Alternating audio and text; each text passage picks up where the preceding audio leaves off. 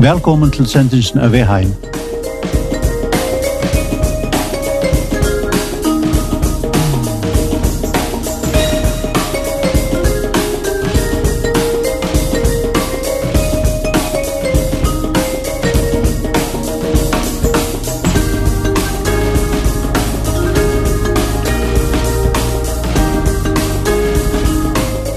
Vi får få en gest sin 17 og vi får vi gjøre et uh, avhåvert emne, religion og evangelie.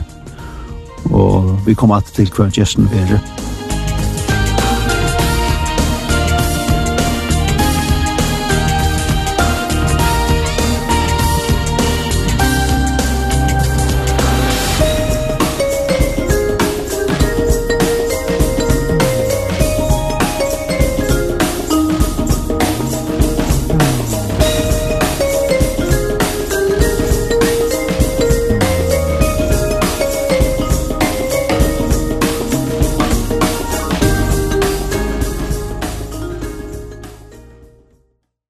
Og vi tar finnes en gæst her stående, og det er Simon Absalonsen. Velkommen, Simon.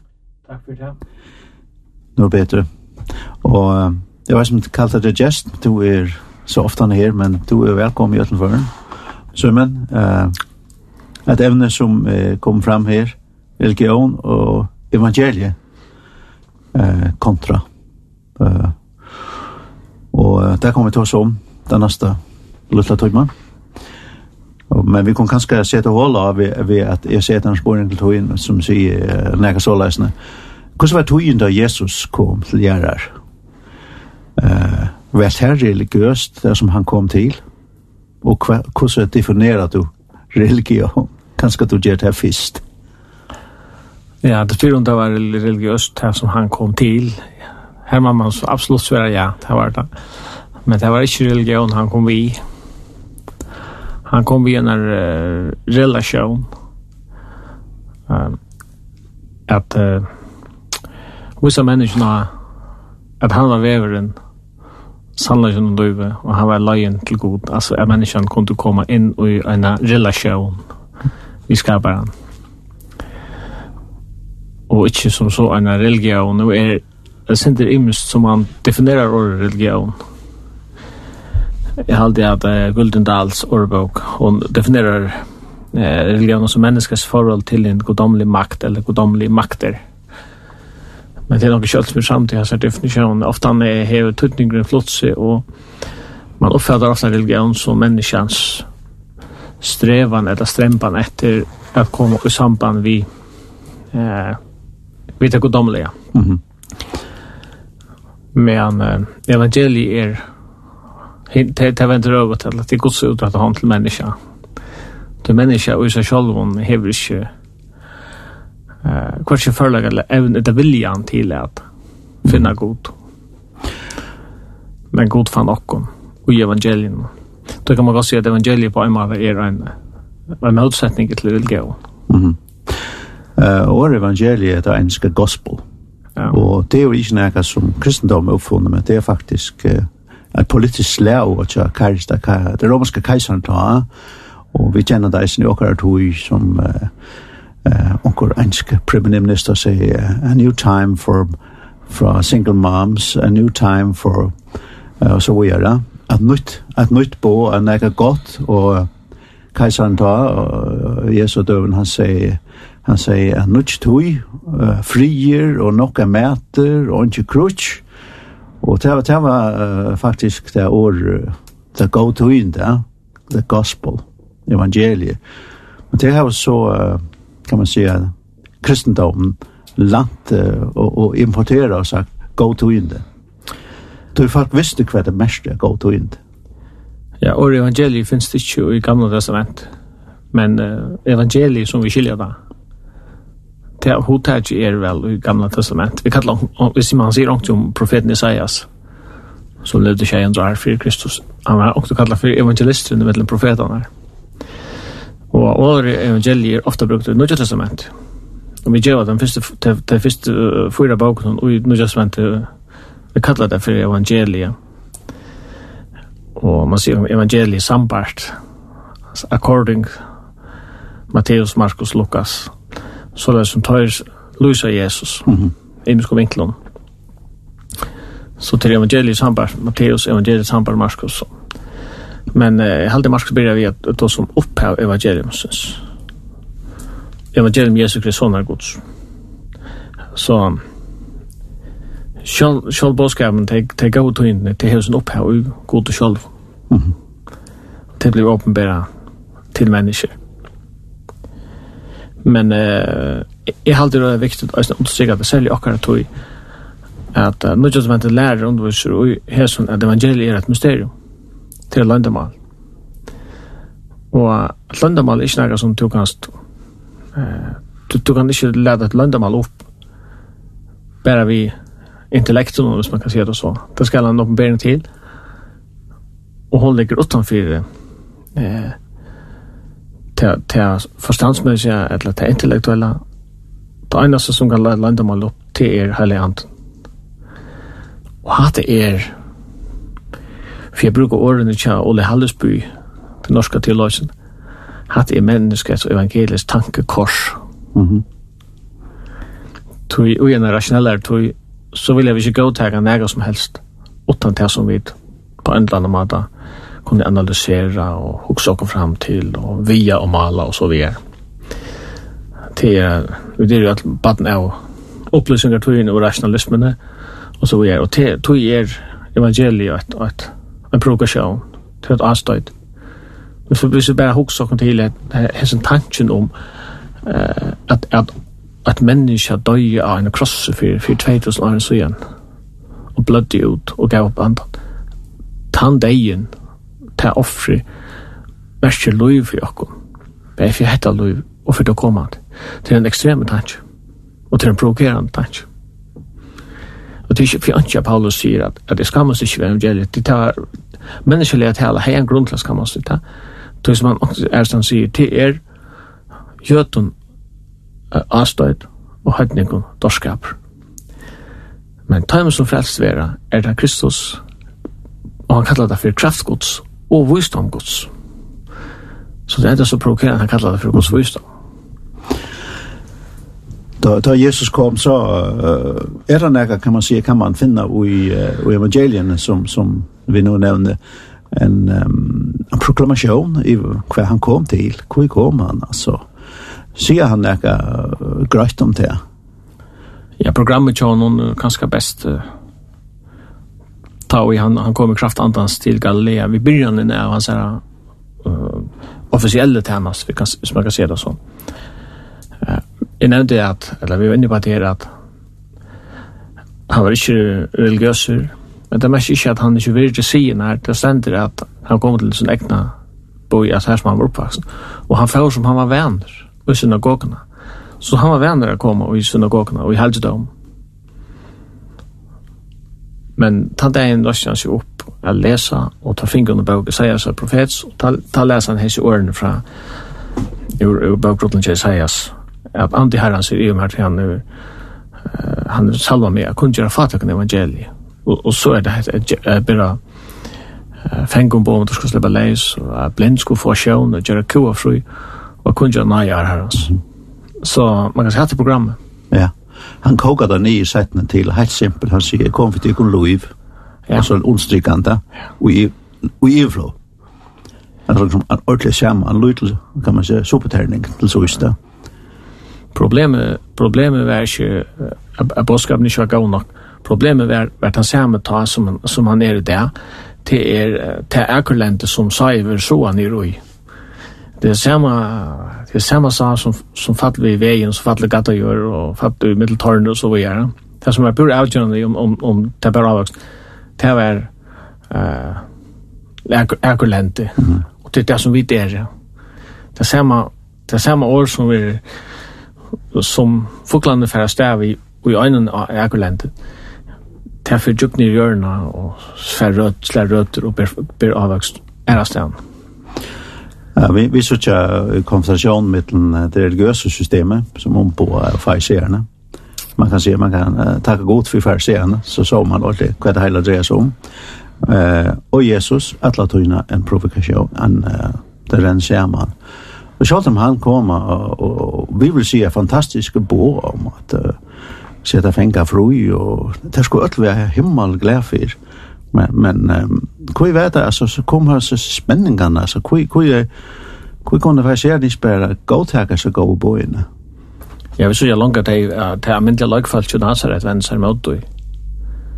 Det han, han var inne, inne på et her, at, at profeter vil kjøre lutra, ikke heimsteg, og så nevner han dette at, at, det var jo mange spedalske i Israel, at døven, Elisa profet, men ungen av dem, ungen av jötum eller israeler blev gröte från spedask men sörlänningar mamman mm. och så alla antina så var ju i Israel ja.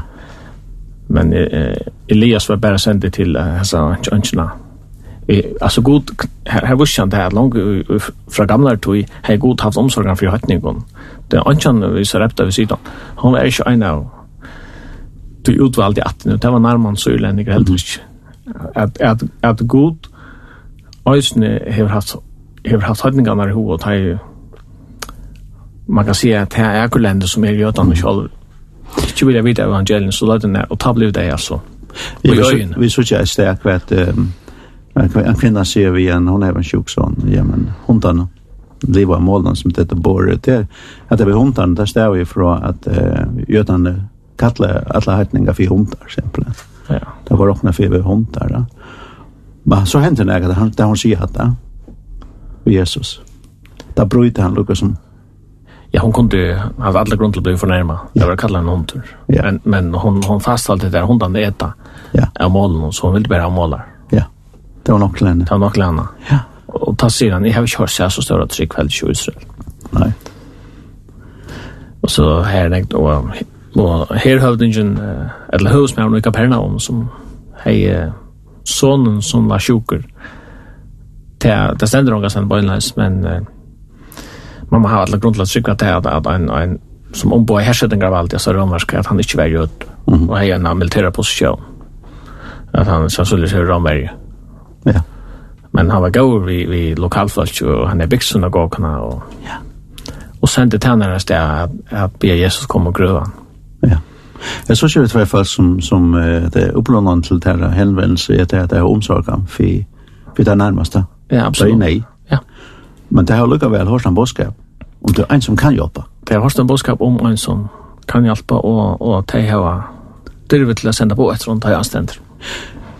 Finner du noen paralleller inn i åkere to i kvæt? Da folk kommer i nei? Ja, det er, altså, ofta tosar man om, ja men tøyna er det er så og så, og, og vi må gå teka ja, at så lett også folk i det, og eh, jeg hørte en avhåverde sending i men jeg har hedda med landet med tås om religion som et sosialt fenomen, og man tåsar om tøyer rak og alt det der, sånn at, det som det er ikke som er i Danmark eller annet om åkken, det kommer sånn til førre, ganske, ganske tutsi år at han og så gjør det, og ofte da så vet vi førre om at jeg vet ikke som som resten av heimen og da mener vi ofte vi Skandinavia, mm eller i vujarsmessing for Europa, men det er vi også om at Europa hever kanskje 20% av utbyggerne i heimen om, Så det er en uhyggelig imperialistisk tankegang vi har, vi sitter her og, og halter til at Europa er heimeren, og heimeren er Europa. Det vil næsta det saman som en en, en en viktig fyrrjen som Mivauer sier det, er videre fyrrjer, fyrrjer er vidt. Det er ikke noen akseptera. Det tar også om det er folk hev som er utenfor Europa. Det vil helt æra vært uger og andre æra normer og, og, og, og Här som vi tar så såna om det moderna och sekularisering så det vil jeg ikke snakke om. Nej. Och så kanske det til å att säga att eh det ska kanske så där lite till att att at han väsli luftstudien kanske færre skådbild för begge for noe, og føler det som inte tydligt att mm. efter med. Vi minns Lums 11 september i USA. Tai torn dot. Sista sondagen 18 att Det var alle kyrkjer og sa tremer av først. Knapplig hei, ja. Hva skal man, hva skal man gjøre? Hva skal man løyta til? Hva skal man færa? Ta avstand til. Ja. Du har avstand? Ja, til, til ta. det er jo sånne virne. Ja. Uh, Jesus sier vi Nicodemus. Uh, du kan ikke uh, du kan ikke sjukke hvordan ro ikke utan du født ante vatten og ante. Ja, um, er det konfrontasjonen at uh, at mennesker røyner vittgjere. Uh, det er Jesus eller Jesus er lærer vi heiler noen, men det kan det ikke. Nei, altså, til unga stjerne, og i trunni eller i biblinni eller i, man kan si i søvnni at, at til forbjøa jeg bruker høyt tvart som jeg hadde at han god som gav okken fornuften han han gav okken oppfattet okken og jeg skulle bruke det at det her var en kristne tankjører gjørst og gjøkken alle tog. Men det finnes, det finnes ting som ligger utenfor det, det rasjonelle og det som vi fysisk kunne mata. Det er det som hever vi det antallet heimene gjør. Og na, na, naturalismen, kan man säga, som er populær i vissen kresen i det, og i fargen, hon vil kjenne ikke at det finnes nega anna enn den fysiske heimen. Det eksisterer ikke anna. Så vi kunne ikke mata nega anna. Mm -hmm. Alltså hvis jeg nu var føtter David og jeg omgang de har hørt en tøvna, omgang ljøpildje, som, som nervabannene fra, fra øyren kunde registrere i høyland, så høyde ljø et eller fuklasanker, et eller symfonierna av Beethoven, ikke eksistera fire mer, men det man ikke kjente ikke var til. Nei. Og, og menneskene er, at det som vi ikke kunne registrere vi akkurat sanser enn noen. Det eksisterer per definisjon ikke. Men vi kunne jo ikke prekka, og ikke kan prekka til at det ikke finnes det vi er utenfor. Og det er det som Jesus kom og fortalte oss. Han tar seg om det andre leverende som, som nekka som er mer naturlig enn den fysiske heimen. Den fysiske heimen, han får gonger. Ja. Men den andre heimen, han var standard. Så ser vi her som jeg kan man godt si at den fysiske heimen, han er en illusjon. Ja. Så egentlig, ja. Ja. Um, För jag kommer sen vidare det här om um, då vi nu har, har ämne av våren som heter religion och evangelie. Ehm um, och vi människor då man väl religion. Tror det är uh, den smakar ett landa vi att vi uh, vi känner vi vet att kvar kan finnas vi färra färra kyrkor sådan liturgi och allt är på plats och eh uh, vi det kanske finns inte gå samviska och och så va det er ikke gale. Og det er ikke tradisjoner og så at vi hatt det her. Men de beveger oss i, i evangeliet som virker provokerande på oss på det her uh, nonsens som vi ikke kan forklare så jeg. Så reagerer det en menneske. Bare to er kjenner vi dette personligt. Ja? Vi, ja. vi tar oss ikke noe annet, vi tar oss selv. Vi kjenner dette her, ja? reaksjonen imot, da vi hører forskjellige ting som, som är utanför vit. Ja. Så, så kommer reaktion. Ja, hon kan, hon kan blåvera komma. Men hin vi, vi tar oss uppleva kraften i evangelien. Vi vet att det är det är så. Ja. Vi vet att det är fri och god. Vi vet att det är kvill och god. Vi vet att det är Kristus är och och rättvis. Så det evangeliet är en kraftgods till frälse för han som tror. Men för andra är det en dårskap. Mm så ist heller gos år, så hade det var satt och i apostlarna, tror hatt det var satt att det var skrivet till Korint, for at det var satt oppkjøk medna og, og ikke minst satt i det. Ja. Det var omgang tog, det var aldri når vi er øres, og tann det vi, uh, tann det vi skulle rationalisere evangeliet, ta er da vid, må si, det var en judas av kosser, vi kjører trunne. Ja. Ta så ikke man trunne. Da si at det her, um, du slipper aldri få at denne konfrontasjonen inn til Kjølmann. Han er her, alltid. Så langt vi det her. så er det en konfrontasjon, og det er religiøse mennesker som er hoa ved og jokkom, og det er som evangeliet boa, som er det avvantaje, det er mest utrolige, og for okkom vi kvart helt året. Jeg kjenner? Ja, til rett. Jeg føler ofte ned. At det er ikke fair at det er som hender. At det er ikke fair det kan ikke spørre til. Jeg kjenner. Ja. Men det er ikke det at det er nek ting vi kan sette vi kunne sette spørsmålstegn vi, og det er nek ting som vi rent tankemessig reagerer mot. Og det er slett ikke avkjent. Og i Bibelen, ja. Man ser enda profeter som, jeg tar lagt seg enda tretas for god, det var förnärmare, hvis man kan, hvis man kan se det. Ja.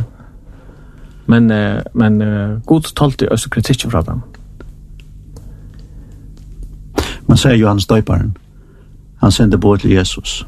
Ja. Og det er øyla kjentast det er ofte han misbrukt uh, uh, tror utan som kommer skal, eller skal vi vant han annan. Altså han, kjolt han, som, som kjenner Jesus helt vel, for han er Ivars knapple. Ja. Er, er det noe helt garvitt det her? Jeg prøver så inn altså lukka som, jeg føler at det skal dodges, til ja, Då han vet att han ska avrättas. Han tar visar sig hur så stärkt mörker kan vara. Ja. Det är inte rums. Själv han var vid hakna under. Ja. Han, han, han får i värsta vård. Ja, Og, og Sverre, han fikk være fra vad Jesus han säger att han sier vi tennerne færre og sier Johannes det som du såg och höra. Öle Det Ja, det, det var öle anfalt. Ja. Og evangeliet, og så sier han, och säljer han som ikke tenker så illa mer. Mm -hmm. Här heter det attra. Ja. Han som ikke blir uh, fornærmet over et land. Ja. Føler seg provokere igjen av Så det var nek som Jesus gjør det som kunne virka provokerande et annet. Som, som fornærmet i folk. Ja. Men hadde er det møter vi jo. to er? Å ja. Alla tøyna. Ja. Og hadde er en kamper som som jeg sikkert ikke slipper fra. Hvis jeg sier slipper fra det, så er det ikke være liknere. Ja Han er bare her. Det er rett. Så det religiøse og evangeliet og i rom rundt om okken og i okken er en realitet. Å oh, ja, det, ja. det vil det alltid være. Det står jo som er. Ja. Jeg hadde ofte religion er fungt vi uh, vi nega mist og som blindleitje. Altså det var ikke men som man sier, det større synderen som kravde Jesus krossfest han. Det var religiøse leier. Ja. Og det var ikke så levde mer opp til de etiske og moralske krøvene som tar skulle stille etter, som Jesus selv. Men tar finke falsk råpa, at Jehova kan bare bare leise. Barabbas kunne ikke leve opp til åtta av krøvene som, som fariserene og skriftene hadde sett. Men Jesus levde opplevde det Men man kan se det på den måten at at att orsaken til at det valgte som det valgte det var tog at att bara var Sverige ikke en höttande med at det tog religiøse system. Men det var Jesus. Absolut. Um, skal vi høre at læreren før vi gjør det? Um, vi kunne ta et her uh, Tover og ja, Jan Honning där synger for Jakob. uh, at lära må bare alle falle ned for dine føtter.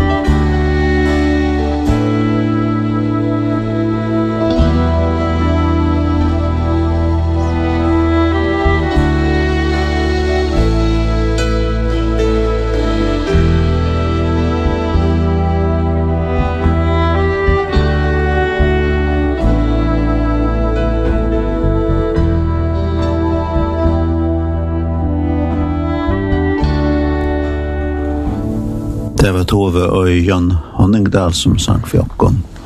Och här i staden kommer jeg sitte Simon Absalonsen og vi tar oss en del evne religion och evangelie.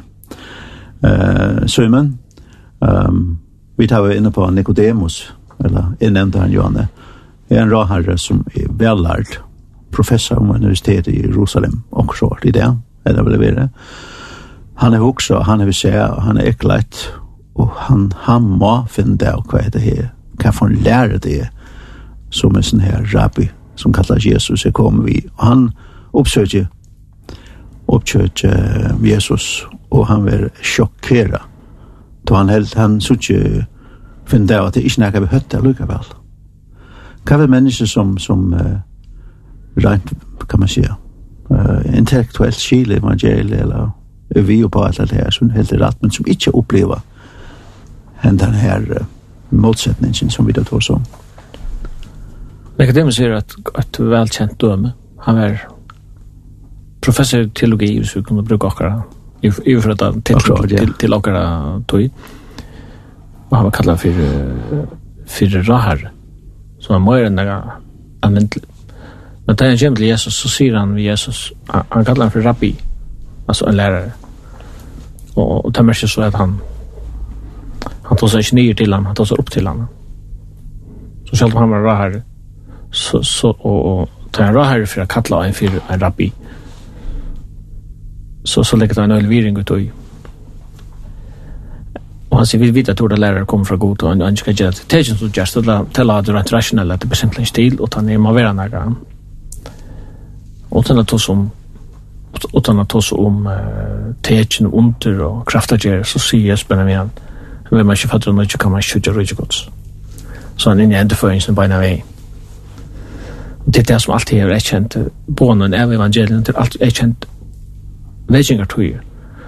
Det är att bånen om ändeföringen vi tryck hon kommer att. Mm. Det är ju inte något odomstås. Slätt inte för bantelsägelserna. Ja. Det hendte jo oss nu i Så er det vegingar noen som man upplevde i England i 16-18-talen og parstens i USA. Hvis man leser om hans her togene så, så la han, eller det la en, en, en størst avhersel av etterføringen i trunnen. Men den bådskapen, han bliknar ofte han i ui, de alminnelige togene, kan man säga. Hver man reger borster fra til evangeliske posisjonene, hvis man kan bruka det, eller så Så tør her var en, ikke en diskusjon, men en, en sådan dialog, kan man säga, Jesus och, ja. uh, och Nicodemus och Och, och sen bara vi ändå för förklarar Jesus där vi är någon vi är någon människa eller en en jörisk metafor att vintern blåser här han vill och hör suse men det var så skön han kommer kan han fer. Och där kunde Jesus säga i kraft att du är att Nicodemus var teolog. Mhm. Mm vi känner med meteorolog så är jag nog vidare kvar inte kom och här för men han går klar i för han är så att och så ser det så ser det ut som fötter av andan. Men så spurningen som som det nämnde hur kan det være? Og ta hever han dette her i Sverige. Att det sitter ju tryckva ta i tås vid det kan det som har görn til, og vind og vever, det som du kan tunna sanser kunde. Hvis det ikke skiljer at jeg tar oss det om det jeg gjør, hvordan skulle du så skilja hvis jeg får begynne å snakke om det andre lever? Det er nesten som at hvis du ikke skiljer ut til tabell, hvordan så kan du fylle vi hvis jeg får inne på avansere matematikk? Ja.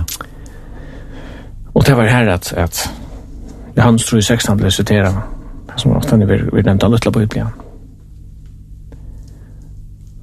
Og til er, til evangeliet, og, og, og, i sin her enkelthet og sin klarhet. At Gud elskar hem sånn, han gav sånn sin, den einaste fyrir hvert han som tror han, skal ikke fortapas, men hava et av et lov. Og Gud sendte ikke sånn sin i heimen fyrir døman, men fyrir heimen skal være frelste ved honom, og den som tror han, vi er ikke dømter, men den som ikke tror er langt dømter, så han hever ikke tro av navn. Så her er, er normer som Jesus prædikar. Det var nega som er rett og skreft, og, og er menneskene har bruk for at finne at det skaper en trunn. Så hatt finna vi det her, og til så, til så hent mange fyr, det, ja. det har vært lukknande Nicodemus her, og, og, ja, en, så oppe i Jøkken Ølden her. En ekle kjent uh, Wesley, John Wesley, en som ja. som, uh, som har teologiske oppbygging, han var prest. Men uh, Han skilte vi høtten men han mangla en ek. Ja, og bare kjanser var for så vidt samme, som støv. Ja, John Wesley og, og, og Charles Wesley, der savna så i, de man kallar det Holy Club. De møttes og ville leva rattløy, ville granska godsår og skriftene og leva etter bogen og forskrift. Og det er ikke skøftet, du. Tvers imot. Det er alt godt og rett det det man kan säga det moralska som ligger i kristendom. Där runt där livet men det är inte några liv. Det är inte levande trunna. Men då tog tillstånden där levde ju och när går och allt det att det var i i 1600 och ja så John Wesley var fattig till 1600-tal vi mener det var 1635 til her løye han fyrir til USA var tro på Georg Georgia staten Georgia og, og Endamålet var at, at um, vinna indianer för trunna. Men det blev, det gick alltså inte, det gick alltså inte om han hej vanta och det var en, en utbränter eller en ny runt kom med och som för hemma till England två år sedan. Men här i har han som mött, uh, här har han mött uh, herren Hotton, torskaren som, som uh, kände kraften av evangelien. Mm En av dem, en av dem säger vi han att du ska, du ska predika trunna.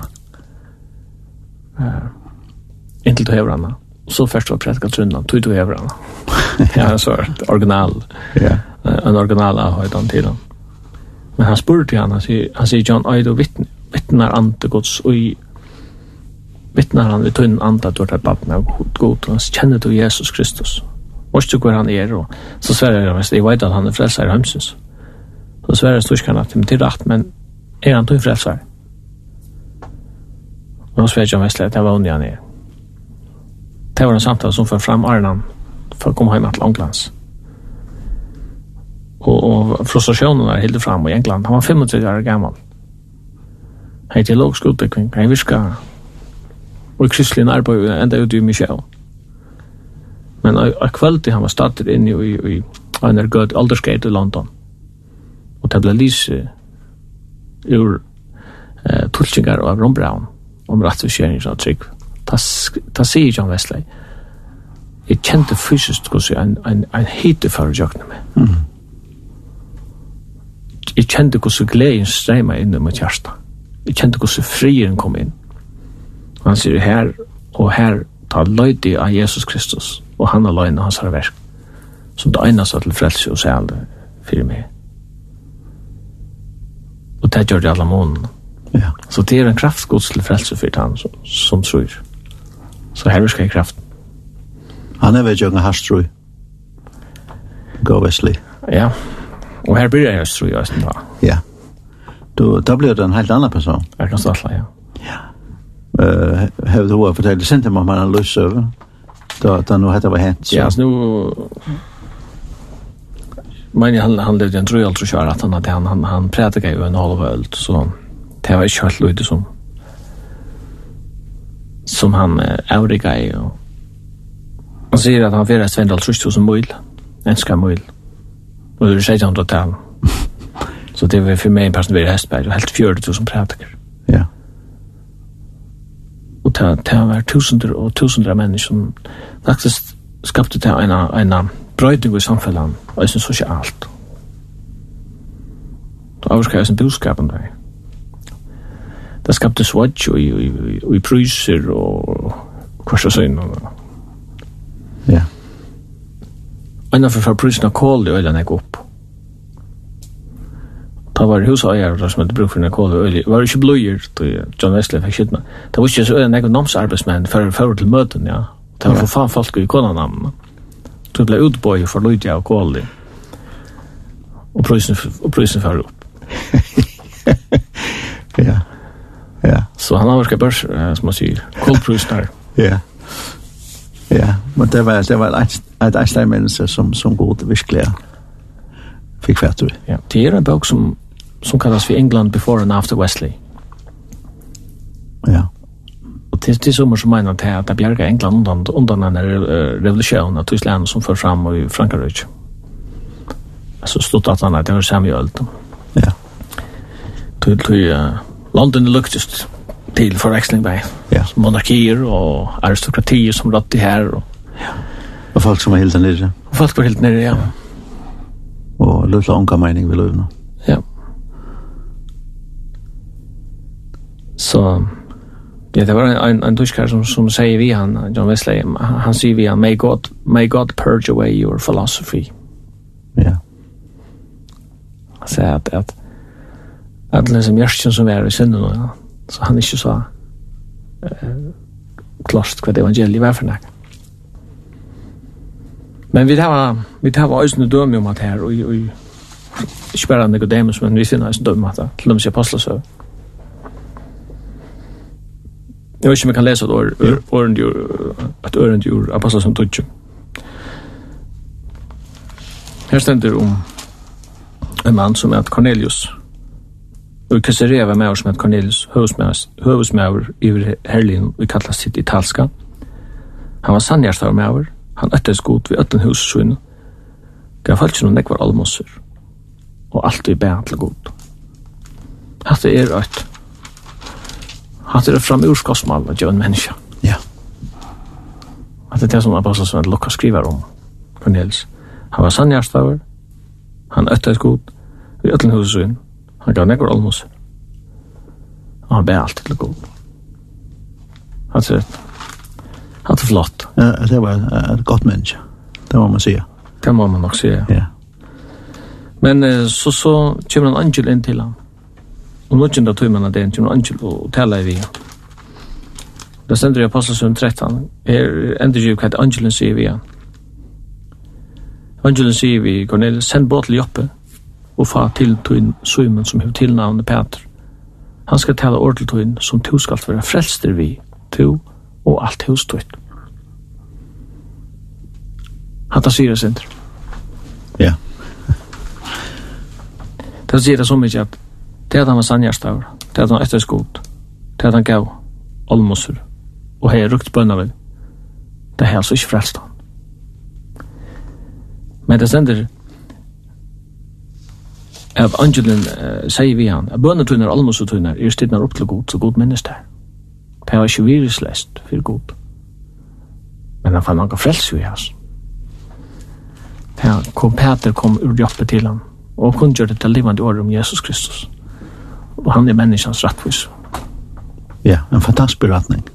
Han er en fantastisk frasang, ja. Det er godt med det første som fire eget Peter. Det er til en hetning. Ja, bare at jeg færre til en hetning, det var jo. Det var jo prinsippen av lovdet. Ja. Det måtte han jo skjøre. Men han... Han ble dolka. Ja, det er alt det her vi dødgjønnen han ser. Ja. Det sier bare hvordan Jainar har vært mellom jøtar og hetningar. Vi kan også skje dere nøyta. Man tog ikke alle forstille seg da. Men så er det ikke om hva, at det er omkring grenser hva god vil gjøre for en som, som søker han. Ja. Det er det, er det finnes luknande, luknande frasøkene i sin det, altså. Folk som blir søker god. Ja, det er funnet navn Til dem så er nek muslimer kommer til, til trygg vi tjøkken noen Ja, æsne jøtar det. Vi tjøkken ovanlige ting, det kan være sjøner eller dreimar eller, eller hva det nå er. Ja. Det finnes ikke en oppskrift. Man kan helst ikke råkne og kreve at god gjør det av alle mennesker. Mm. Men han gjør det uten suverenitet vi tann som han vil gjøre det. Ja. Og, og skildrer dere noen forklaring at han Nei, slett ikke, nei. Det er så øyelig irrasjonelt, nei, det er som, som ganger fyrir seg at og blesset han uh, var kjent, han tjekk vi han krosser, jeg var som, Lorsan kjenner han, men jeg var, det var ikke Moses Hansen, men det var han som byrja lengt av han, han amerikaner som uh, at og blesset. Han vidtja henne for fyrjon, og han greit fra hos han ene fikk kom gengande uh, ute i Indonesien, uppe i fjallaren, det viser en kross her, og en smadrong er her, stekka han og be han kom langt ned i fjallen. Og han bakser seg ned han kommer her. Og da han kommer inn her og i sånne her luttla bygden, så, så kommer øtt sammen. Det viser seg at um, høvdingen, leierne i bygden, har haft en dreim. Nega mana fra måndan. Og han ser en kross, han mever en kross. Og han, han, han, han, han kan bare slippe sin dreim, han må finne det her. Han fer om han, lengt, lengt om han, i en større boi. Og så ikke finner han mynd uh, hva Jesus er og krossen hans Han kjeiper mynden for at vi og henger han opp og forklarer at det er etter dreimen. Jeg var bare ikke hva mer det. Da han så ser at du blesser det kross, som du var dronker. Så vil han ha henne ned i bygden. Og at du blesser forklarer at man fører som mer det. Og her er veking i bygden. Men hatt er en løgn søve, ja. Men, men det var så vei for, for følt. Ja, det finnes, det finnes lukkende søve. Ja. Er det stedet? Og, og du som sitter her ute kanskje, og, og, og eisen hever, hever av myndhengene vetsen for så vidt, altså, iført tøtninga. Man skal bare vite han der livende frelser, som henger av her. Amen. Ja, han, han er ikke deg. Ja. Han er så livende som han kan være. Han er livende for hver tog som søker han. Ja. Du så min konklusjon nå i det, det er at, um, at det alltid strøy med religion. Ja og evangeliet? Ja, det kan man rolig å si at det vil alltid være. Jeg nevnte for det her at jeg har en bøk som jeg sitter lyser nå, og synes og hun heter uh, religiøsitet og kristendom. Det er en provokerende titel. Skriver jeg under 1920 av Ole Hallesby. Ja. Men det er, det kom til å skrive i akkurat, og jeg følte meg det er Maren Forsar, så jeg skriver. Ja. Når han er kjent i Norra, og en, en, en kjente teologer og predikanter her. Men han er inne på tankekorset, at det er sånn jeg ui utrunne som vi ikke kunne, kunne grupa rent forstandsmessig og til en bruka. Men um, vi må så vikinga til alle vi ansanna til at det er en god som, som ikke råknar som mennesker råknar. Hans er, hans er domar og hans er visdomar er outgrundande og hans sekande. Og han har valgt seg, han har valgt at åpenbæra seg for menneskene, og du som Paulus kallar for dorskap og prætningar. Jødar søtja, tegjen og grikkar søtja visdom, men vi prætningar Kristus krossfestan, jødar avstøyt, og høytning og dorskap. Ja.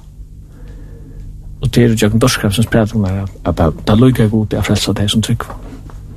Og det er galdan den det det. Det er galdan det. Bant det og det, og det er kraftskoss og frelse for den. og tror det var det for John Wesley. Det var det for det, det var det også for meg. Ja, og alt som vi den er det. Som for en kvart som er gjør åkken. Og for en kvart som høyre åkken. Ja. Takk for søymen, og takk for at du vil komme og vi gjør dette emne, religion ja, og evangeliet. Ja, jeg takk som det. Og det er, som man sier, en konfrontasjon som en kvann kvann det. Og, og så er det søtja den atter søyen. Og søtja en herre som åpenberer for jokk. Jokk med heilig andan. Og for enda vi hans egen fangevik, hvem har sagt,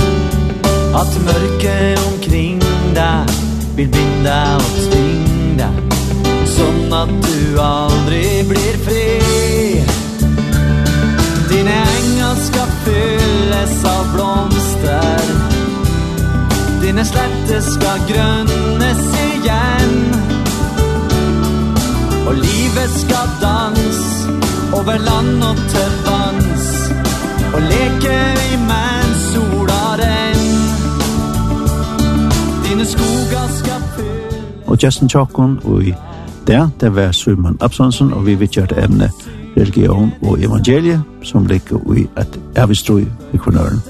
Så takk for meg, og her til noe så godt. Sommeren blir din nok en gang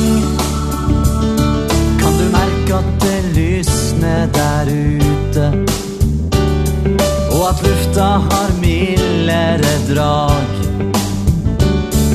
snart vintern må trekke seg tilbake og vekk Vi går mot en sommer i lag. Dine enger skal fylles av blomster. Dine sletter skal grønnes igjen Og livet skal dans over land og til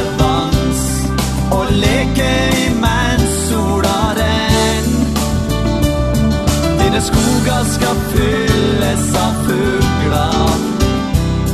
Och igen ska de synge din sang.